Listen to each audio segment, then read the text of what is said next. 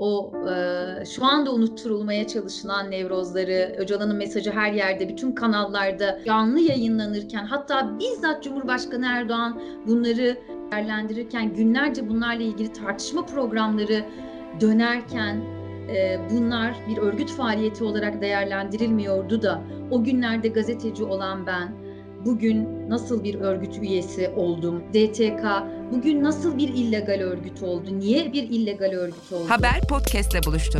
Kısa Dalga yayında. Bizi Kısa Dalga Net ve podcast platformlarından dinleyebilirsiniz. Ben Mehveş Evin Kısa Dalga'ya hoş geldiniz. Bugün gazetecilik konuşacağız. Daha doğrusu bugünün şartlarında gazetecilik nasıl yapılabiliyor? Gazetecilik nasıl suç haline getiriliyor bunları konuşacağız. Sevgili meslektaşım Ayşegül Doğan bizimle. Merhaba Ayşegül. Merhaba Mehveş. Çok zaman oldu birbirimizi böyle aynı ekranda görmeyeli. Evet, evet.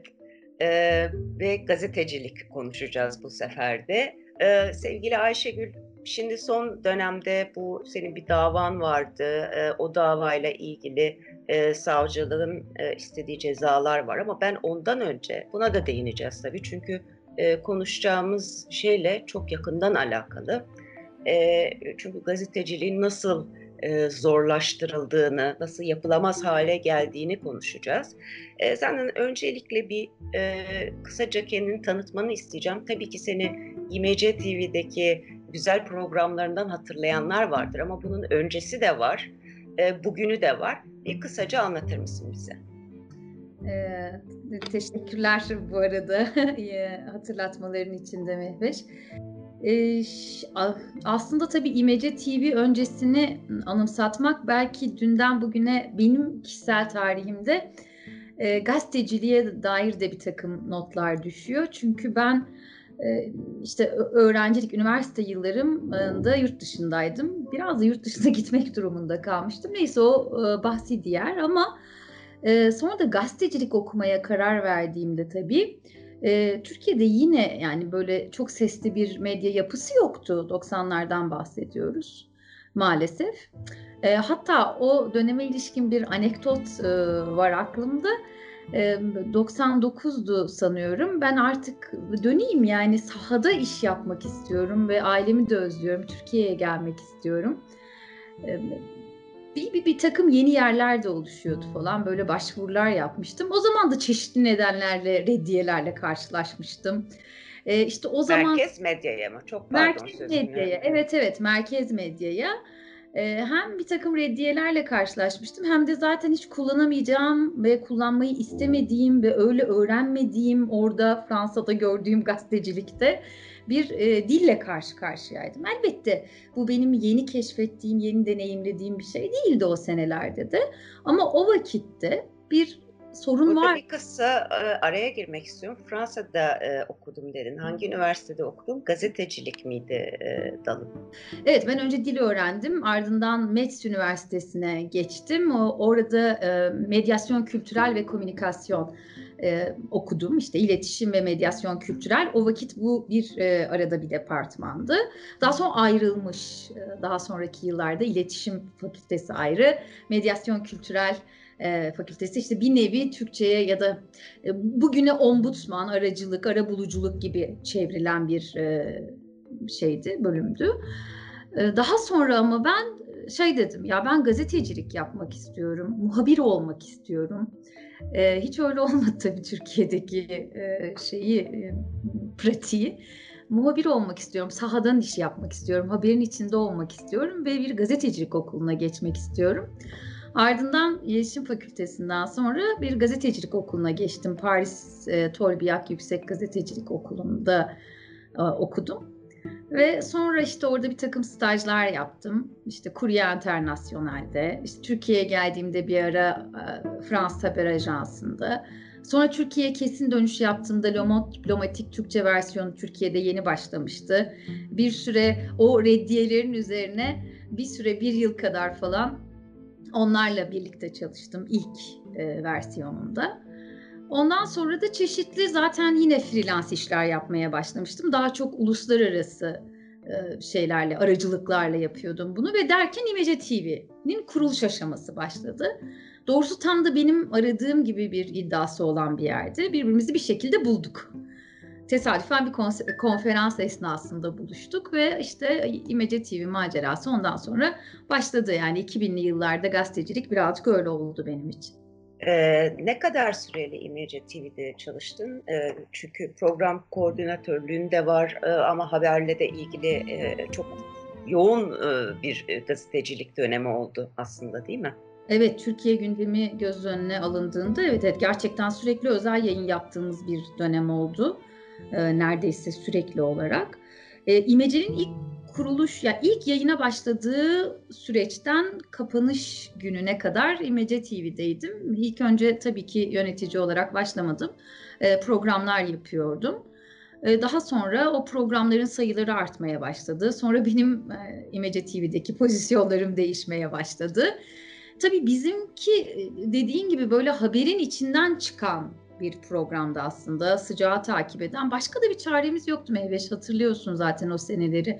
Yani 10 Ekim Gar katliamı, sokağa çıkma yasakları, Soma, Ermenek yani sürekli gündemde e, bu tür olayların yaşadığı işte işit, e, e, Kobani gibi e, bir takım gündemleri takip ediyorduk. E, bu arada da tabii barış süreci vardı. Tabii, Çok tabii. yoğun bununla ilgili her yerde, bütün gazetelerde, televizyonlarda tartışmalar yapılıyordu, e, programlar yapılıyordu. Her akşam, her gün e, barış süreci konuşuluyordu. Fakat tabii bu e, aslında yani hep bir 2016'yı darbe girişimini e, bir çeşit milat olmasa da bir e, çentik gibi alıp ondan sonrası ve medyanın başına gelenleri e, konuşma eğilimi var. Evet evet tabii ardı arkası kesilmeyen seçimler de vardı. İyi ki hatırlattın bunu 7 e, Haziran 2015 seçimleri bence İmece TV için de bir dönüm noktası oldu. Yani nasıl bugün Türkiye için bir dönüm noktası olduğu tartışılıyorsa İmece için de öyle oldu. E, çözüm sürecinde de sayısız e, program, haber, konu ve konukla süreci takip ettik ve süreci destekleyen bir yayın politikamız vardı yani mesleğimiz de bunu gerektiriyor. Toplumsal barışın inşası ve kamu yararına, kamu çıkarına iş yapmak aslında.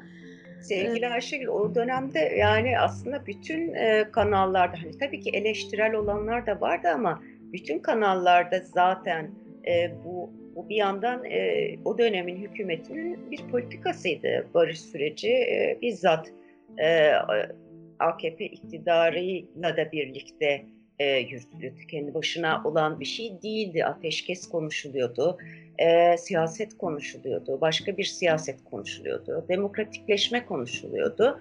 E, tabii bugün bambaşka bir yere geldik ama hani medyanın halini de hatırlatmak açısından e, dinleyicilere ben böyle bir e, ara e, not e, söylemek istedim. Çok doğru bir not. Aslında bizimki hükümet politikasından ve hükümetler politikasından da bağımsız olarak İmece TV kuruluş e, ilkelerinden işte kapandığı ana kadar hep e, sorunların çatışmayla değil diyalog yoluyla çözümünden yana bir yayın politikası ve ilke benimsediğinden e, bu zaten kendi ilkeleri doğrultusunda yaptığı bir şeydi. Hala hazırda da öyle bir süreç gelişmeye çalışıyor ve bu bir diyalogtan müzakereye dönmeye çalışıyorken bu konuda işte toplumu bilgilendirmeye dair üzerimize ne düşüyorsa hepimiz tek tek e, seninle de çokça konuştuk bu konuları programda.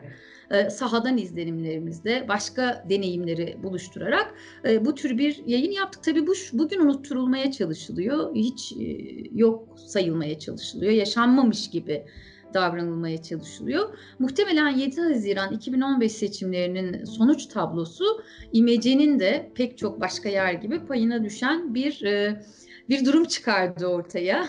Yani böyle bir değerlendirme yapıldı sanıyorum bir yerlerde diye düşünüyorum zaman zaman. Çünkü sonrası bizim için de şöyle oldu biliyorsun. O da çok manidar oldu. Yani bizim hakkımızda herhangi bir mahkeme kararı yok bu arada. Yani bazılarının e, belki dikkatinden kaçan bir şeydir diye bu ısrarla altını çizmek istiyorum. Yani İmece TV'nin kapatılmasına ilişkin ya da İmece TV'nin herhangi bir yayının tırnak içerisinde şiddet, terör vesaire gibi bir şeyle bağlantılandırılabilecek hiçbir yargı kararı yok. E, Rütük'ten bir iki uyarı almış olabiliriz. Şu anda onları da tam olarak hatırlamıyorum. Ama hani böyle ekranımızı karartabilecek bir e, ceza, bir uyarı da olmadı. Ve o dönem yani ben, Banu, başka arkadaşlarımız çok çeşitli söyleşiler, röportajlar yaptık ve buna Kandil'deki yöneticiler de dahil çözüm süreci çerçevesi içerisinde. Ve bunlar sonuçta TürkSat'ta yayın yapan bir televizyon kanalından yayınlandı. E, pek çok başka merkez medya kanalı, hatta hükümete yakın televizyon kanalları, gazeteler falan referans alıp kullandılar bu haberleri. Üzerine makaleler yazılan şeyleri biliyorum. Ama mesela bugün benim ek dosyamda bu röportajlardan biri var suç unsuru gibi. Mesela. Ankara Cumhuriyet Başsavcısı bir, bir gün bir soruşturma başlattığını öğrendik İmece TV ile ilgili. Ve o soruşturma dilekçesi gidiyor TürkSat'a. Yani biz önce ekranımızın neden karardığını da anlamadık. İç kanaldaydık ve iç yayın izlediğimiz için herhalde içeriden bir sorun oldu, bir teknik sorun oldu diye hepimiz teknik odaya gittik. Çünkü aynı gün işte e, Can Dündar ve e, Erdem ilk söyleşiyi veriyorlar. O söyleşi içinde Banu burada Banu Güven e, bilmeyenler için söyle, söyleyelim. E, o da Cumhuriyet Gazetesi'nde ilk söyleşiyi de İmece'den Banu'ya veriyorlar. O, o anda ekranımız karardı. Şimdi bu tabii çok tuhaf. Yani böyle bir ana denk gelmiş olması bence tuhaf. Ee, önce bir böyle hani üyelikle ilgili bir sorun var sandık. Bir şey oldu herhalde yani bir dokümantasyonla bilgi e, ile ilgili bir bilgilendirme ile ilgili bir sorun var gibi düşündük ama sonra öyle olmadığını öğrendik. Ankara Cumhuriyet Başsavcısının başlattığı soruşturma nedeniyle TürkSat'tan atıldığımızı öğrendik. Bir süre internetten yayın yaptık. Daha sonra Hotbird uydusundan yayın yapmaya başladık. Elbette bu arada izleyicilerimizi e, bir bölümünü kaybettik. Bizi TürkSat üzerinden izleyen, D-Smart üzerinden izleyen, e, TürkSat'ın yarattığı başka platformlar üzerinden izleyebilen seyircilerimizi kaybettik. Ama e, zamanla onlar geri dönmeye başladılar. Bence geri dönmeye başladıkları da görüldüğü için zaten de bambaşka bir medya düzenine geçilmeye başlanıyormuş meğer. O da başladığından kapatıldık. Yani kapatılmamıza ilişkin de mesela herhangi bir e, yani o halin etkisiyle kapatıldık biz. O halden yararlanarak kapattılar İmece TV'ye. Herhangi bir kanun hükmünde kararname yok İmece TV ile ilgili. Bugün bazı iddianamelerde İmece TV'nin PKK'ye yakın yayın organları ya da terör örgütü yayın organı olarak e, tatif edildiğini görüyorum. Böyle tanımlandığını görüyorum inanılır gibi değil yani. Böyle bir mahkeme kararı falan da yok. Ayrıca neden böyle bir yakıştırma yapılıyor diye düşünmüyor değil insan yani. Son derece absürt bir tanımlama yapılıyor. Öyle bir hal aldı ki bu iş e, yani susturulmayan e, bağımsız haber kanalı çok az. Yani e, gazete olarak da, televizyon olarak da ve e, aslında bütün mecra e, olarak. Yani hem biz hep siyasi baskılarla bağlantılı konuşuyoruz bunları ama bir yandan dünyada da e, tabii bu internet üzerinden gazetecilik e, meselesi yani e, YouTube kanallarından e, yayın yapmak, bizim burada yaptığımız gibi podcastler yapmak, e, bir yandan izleyici ve dinleyici ve okur da başka yerlere gitmeye başladı. E, yeniden TV ile e, YouTube üzerinden söyleşiler yapıyorsun. E, oradan e, izleyicilere sesleniyorsun. Bambaşka mecralar, bambaşka e, alanlar değil mi? Yeni deneyimler geliştirdi. Yani sonuçta şunu öğrendik hep beraber sanıyorum. E, evet bir takım şeylerden mahrumuz. E, alışa geldiğimiz araç gereçler, video ekipmanları, çekim ekipmanları yok. Ama yeri ikame edilebiliyor mu? Edilebiliyor. Gazetecilikte ısrar etmek istediğinizde mutlaka e, bir, bir takım alternatifler yaratılabiliyor. Bence bu anlamda internet medyasının çeşitliliği ve e, yeniyi bizim de deneyimlemeye çalışmamız kıymetli bir şey tabii. Çünkü e, yani bizim kuşak bile bu yeni için neredeyse eski kaldı artık. Bir geleneksel medya alışkanlığı var hepimizde vazgeçemediğimiz, terk edemediğimiz. Oysa YouTube'da milyonlara ulaşan YouTuber'lar var ve çok değişik işler yapıyorlar. Çok değişik içerikler çıkarıyorlar. Biz de bakıyoruz arada. e, merakla, ilgiyle takip ettiklerimiz de var. Hatırlayalım yani pek çok olayda bizim tek habere erişim kaynağımız neredeyse Türkiye'de Twitter oldu. Yani yurttaş gazeteciliği son yıllarda en kıymetli şeylerden biri haline geldi. Ve pek çok olayda da çok önemli etkisi oldu. Hayat kurtaran etkisinin olduğu zamanları da biliyoruz. Şu anda belki hani vaka vaka hatırlayamayabiliriz ama yani böyle bir etkisi var sonuçta sosyal medyanın. Ha her şeyle olumlamak mümkün mü? Hayır değil. Ama e, bir yandan da bir çeşitlilik sağlamaya çalışıyor. İşte ben de e, bu, bu alanı nasıl zenginleştirebiliriz, e, nasıl bir e, çeşitliliğe katkı sunabiliriz diye tam hazırlık yaparken üzerimize Covid yağdı açıkçası hepimizin üstüne yağdığı gibi. İşte şimdi Covid koşullarında biraz mümkün mertebe online kalarak e, daha sahadan daha az beslenerek daha çok sahadan beslenecek bir işti bu. Bunu da işte biraz daha Covid'in gidişatına göre yeniden planlayarak devam etmeye çalıştığımız henüz tam periyodik olarak yayınlara geçemediğimiz ama yayın, yakında daha periyodik yayınlar da yapmayı hedeflediğimiz bir böyle yeni mecra. Bakalım. Evet. Çok da güzel söyleşiler oluyor. belki duymayanlar için ben de hatırlatayım. Yani Eren Keskin'den Beren Saat'e, e, Mithat Sancar'dan şiddet gören e, bir e, şey, şeydi galiba müzisyen vardı değil mi? Rafer'in e, evet. Evet Rafer'in e, çok çok güzel e, söyleşileri yeniden TV'de Ayşegül Doğan'la e, dinleyebilirsiniz. Bir dosya hazırlıyoruz. İtirazım var diye bir dosya birlikte yapıyoruz onu da. E, metinlerini o yazıyor e, ve işte ben de o metinler ve röportajlarla e, ekipten başka arkadaşların da katkılarıyla onunla birlikte de bir itirazım var diye bir dosya hazırlıyoruz. Yakında onu da daha periyodik bir hale dönüştürmeye çalışacağız. Dediğim gibi Covid çok hepimiz için tabii sınırlayıcı bir etki yarattı bir yandan da. Bizi Kısa Dalga Net ve podcast platformlarından dinleyebilirsiniz. Buradan e, dava meselesine gireceğim. Daha doğrusu şöyle e, Ayşegül sen tabii ki biliyorsun ki yalnız değilsin. E, yani sana yöneltilen suçlamalar falan bunun detayını e, soracağım ama e, dinleyiciler için de bir hatırlatma yapmak istiyorum. E, Türkiye'de gazeteciler şu anda tutuklu e, sayısı yani bazen medya çalışanı bazen gazeteci olarak veriliyor. E, iktidara bakarsanız iktidar zaten e, kendisinin verdiği basın kartının sahibi olmayan gazetecilere gazeteci dememeyi e, seçiyor. E, böyle bir e, kolaycılık var ama biliyoruz ki onlarca gazeteci hapiste yüzlercesi yargılanıyor ve neden yargılanıyor?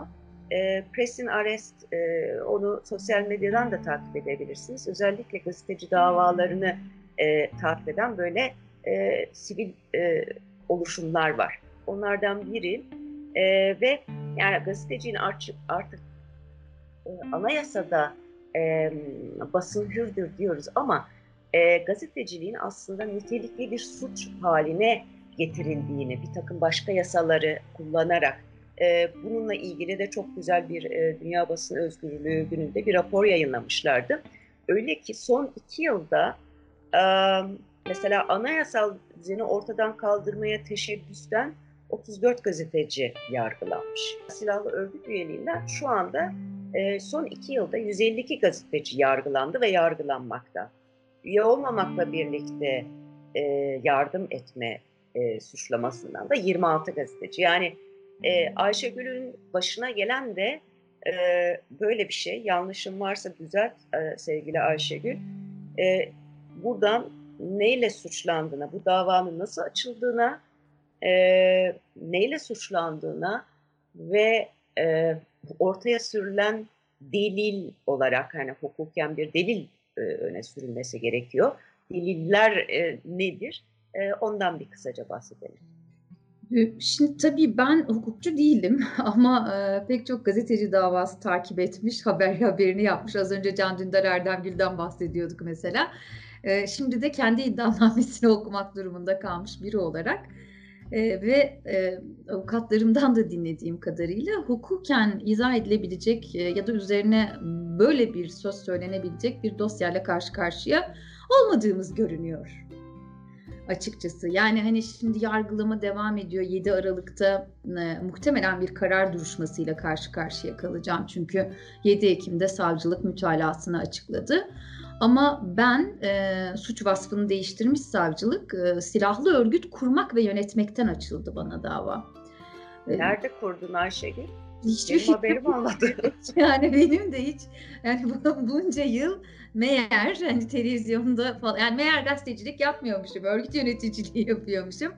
Ee, İmece'den pek çok arkadaşım da bana böyle bir espri yaptı doğrusu. Ya hangi arada, nerede kurdun, biz niye görmedik, niye duymadık? 7-24 birlikte kanalda bu kadar çalışırken Türkiye'nin bu gündemi içerisinde buna da mı vakit buldun falan diyerek. Ee, şimdi böyle bir e, durum ve en sonunda şimdi savcılık mütalasında e, silahlı örgüt üyeliğinden e, 7,5 yıldan 15 yıla kadar e, hapsimi istiyor. Şimdi delil olarak benim dosyamda, ana dosyada ve iddianameyi oluşturan e, bölümde e, delil teşkil edebilecek bir şey ben görmedim. Niye görmedim diyorum. İki tane ortam dinlemesi, dört telefon görüşmesi var. Şu anda sayılarını yanlış hatırlamıyorsam. Ortam dinlemelerinden biri gıyabımda yapılan bir konuşmaya ait. Yani benim olmadığım bir ortamda bana dair yapılan konuşmalar. O konuşmaların içeriğinde de anlaşılır hiçbir şey yok. Zaten o kadar çok boşluk var ki bir yargıda bulunmanız gerekiyor. Bir kanaat geliştirmeniz gerekiyor. Oradaki konuşmaları anlayamıyorsunuz. Boşluklar var. İkinci ortam dinlemesi yani bana ait olduğu iddia edilen ortam dinlemesinin de ilk başından beri bana ait olmadığını mahkemede de savcılık aşamasında da ifade aşamasında da belirtmiştim. Hatta bununla ilgili de bir ses kaydı incelemesi istemiştim ve adli tıp raporu da bunun delil olarak kullanılmayacağı şeklinde çıktı. Yani adli tıp lehime bir rapor vererek bunun dosyada delil olarak kullanılamayacağını söyledi. Şimdi temel delillerden biri buydu. Bu zaten çökmüş oldu. E, diğer e, şeylerse telefon görüşmeleri mesela gerçekten çok e, son derece komik. Biri bir kadın konferansına katılmak için konuştuğum e, bir uç, uçak bileti rezervasyonu ile ilgili. Onun orada neden bulunduğunu ben de bilmiyorum. Ne yani çünkü bir uçak bileti rezervasyonu yapılıyor ve ben o konferanstan da Erbil'de gerçekleşen bir Kürt kadın konferansıydı bu. Henüz imece öncesi bu arada 2010-2011'li yıllardan bahsediyoruz yani 2012'ye kadar. Yani bazı şeyleri hatırlayamadım savcılık soruşturmasında doğal olarak. 8-9 yıl e, geriye gitmek gerekince. Oradan da ben e, Biyanet o zaman Biyanet'e yazı yazmıştım mesela. Yani oraya da gazeteci olarak gitmiştim. Biyanet'e bir yazı yazmıştım. Gazeteci olarak takip etmiştim. Ve oraya çok çeşitli kesimlerden insanlar gelmişti falan yani çok tuhaf o niye iddianamede öyle duruyor bilmiyorum. Diğer konuşmaysa temel olarak e, suç olarak gösterilen şey editörümle yaptığım konuşma. Yani editör bana gündem veriyor programla ilgili o haftanın gündemini ne yapalım konu konuk arayışında. Çünkü o da kendi işini hızlıca bitirmek istiyor. Konuk bulalım, arayalım. E, ha, hangisi olsun? Bu gündemler arasında her şey var elbette. Türkiye'nin gündeminde o günlerde olan her şey var. Böyle bir iddianame yani e, bu iddianame ile zaten hukuk nosyonu üzerinden konuşmak e, maalesef ben bunu gerçekten çok üzülerek söylüyorum bu arada mümkün değil. Ama öte yandan e, şöyle bir şey var. Benim mesela ısrarla Demokratik Toplum Kongresi üyesi olarak faaliyet gösterdiğim iddia ediliyor. Şimdi bu gerçek değil. Bunun gerçek olmadığı pek çok belgeyle ispatlı. Bunları da katıldığım her duruşmada söyledim. Gazeteci olarak e, etkinliklere katılıp e, evet, belediye konutine girip çıkmak mesela e, girip çıkarken fotoğraflanmak nasıl bir suç teşkil edebilir? Ben de girip çıktım kaç kere. Evet, Belediyesi'ne. Ya, o, o çok STK'nın toplantısına Nevroz organizasyonlarını izlediğimizde biz gazeteciler için mesela e, bir e, şey adresiydi o. o. O oradan hareketli otobüslere binip gidiyorduk. Yani evet. şimdi biz Nevroz'u izlemeye gittiğimizde hani o e, şu anda unutturulmaya çalışılan nevrozları, Öcalan'ın mesajı her yerde, bütün kanallarda online canlı, canlı yayınlanırken hatta bizzat Cumhurbaşkanı Erdoğan bunları e, yorum değerlendirirken günlerce bunlarla ilgili tartışma programları dönerken e, bunlar bir örgüt faaliyeti olarak değerlendirilmiyordu da o günlerde gazeteci olan ben bugün nasıl bir örgüt üyesi oldum, ne zaman oldum, o gün e, bizzat e, Meclis Başkanı Cemil Çiçek tarafından muhatap alınan Demokratik Toplum Kongresi üstelik Türkiye'de yeni bir anayasa yapımına ilişkin görüşlerine başvurulan DTK bugün nasıl bir illegal örgüt oldu? Niye bir illegal örgüt oldu? Ayrıca bu konuda hukuken bir şey de yok benim bildiğim kadarıyla Ayşegül. Yanılıyor muyum? Yani Yargıtay'ın bir kararı var. Ee, seninle konuşmadan bir baktım. Ama onun haricinde DTK için hani illegal bir şey kişisel olarak e, işte Aysel Tuğluk e, ve başka e, siyasetçilerle de ilgili açılan davalarda illegal bir yapılanma ol, olarak söylüyor. Ama bu anlamda benim bildiğim kadarıyla hukuken yapılmış bir şey yok. Benim de bildiğim kadarıyla öyle ama DTK işte KCK ile o da PKK ile bağlantılandırılarak bu bağlantı üzerinden bir zaten yani Demokratik Toplum Kongresi nin e, eş başkanlarının ikisi de Leyla Güven'in yakın zamanda milletvekilliği düşürüldü ama e, milletvekiliydi.